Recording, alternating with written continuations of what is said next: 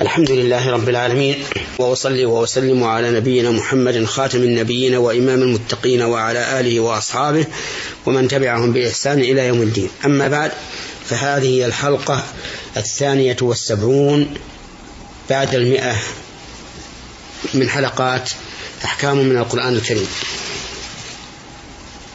تكلمنا في الحلقة السابقة على قول الله تبارك وتعالى الحج أشهر معلومات وذكرنا بعض الفوائد والأحكام المستنبطة من هذه الآية الكريمة.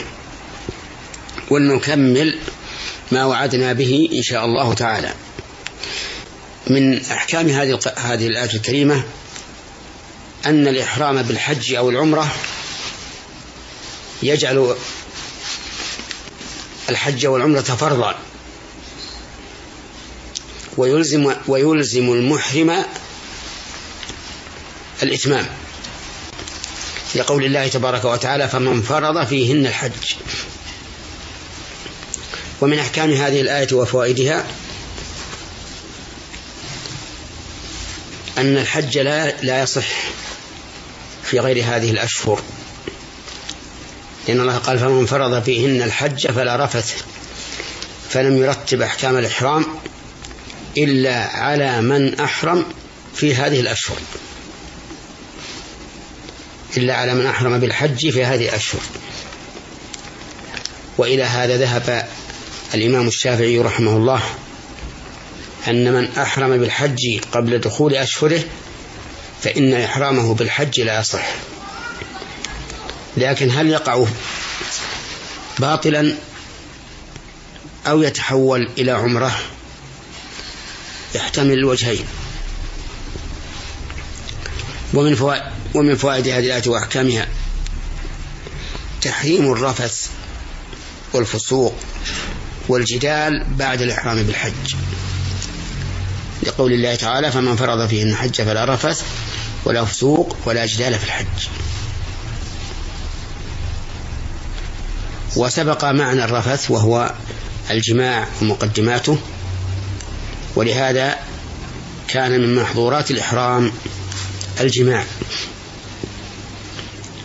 والجماع بالحج والجماع في الحج قبل التحلل الأول يترتب عليه أمور خمسة.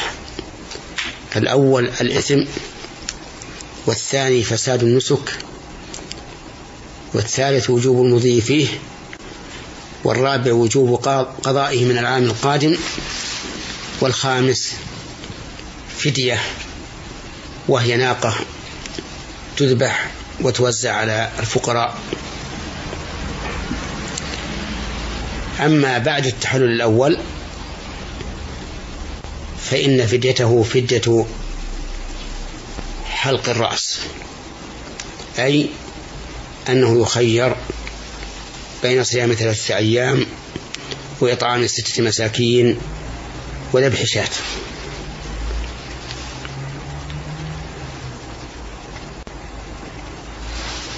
ومن فوائد هذه الآية الكريمة وأحكامها تحريم الفسوق في الحج.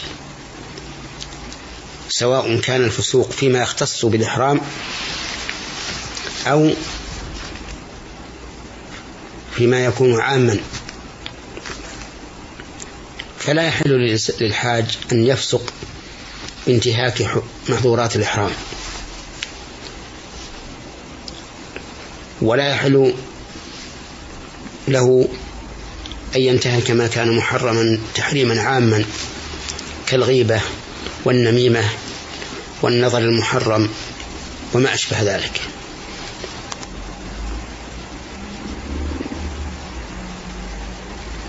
فإن قال قائل أليس الفسوق محرما في كل حال في الحج وغيره؟ قلنا بلى لكنه في الحج يتأكد تحريمه لأن الإنسان متلبس بعبادة. وهنا يجب التنبه إلى أن شرب السجارة الدخان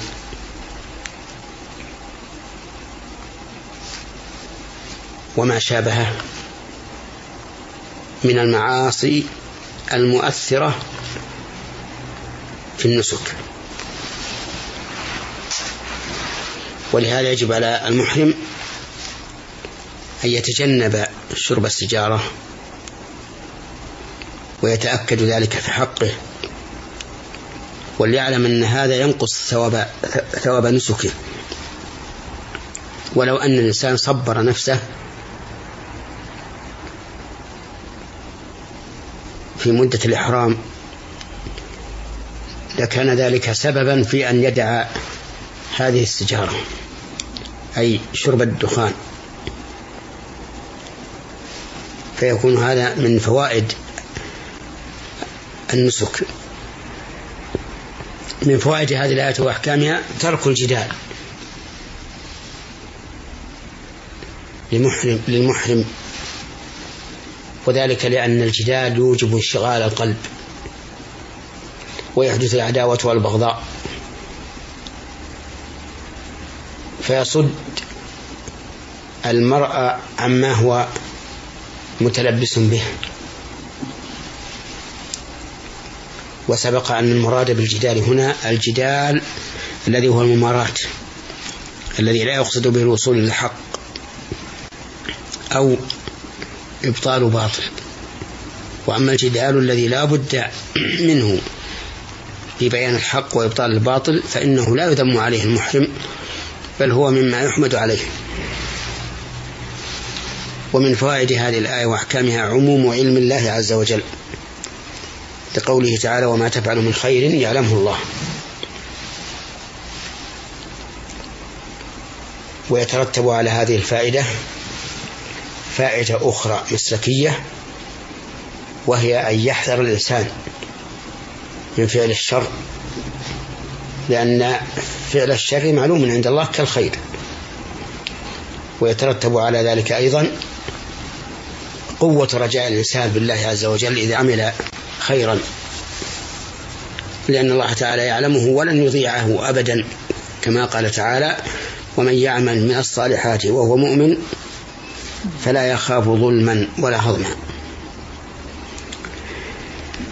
وقوله تعالى ونضع الموازين القسط ليوم القيامة فلا تظلم نفس شيئا وإن كان مثقال حبة من خردل أتينا بها وكفى بنا حاسبين. وقوله تعالى فمن يعمل مثقال ذرة خيرا يره ومن يعمل مثقال ذرة شرا يره.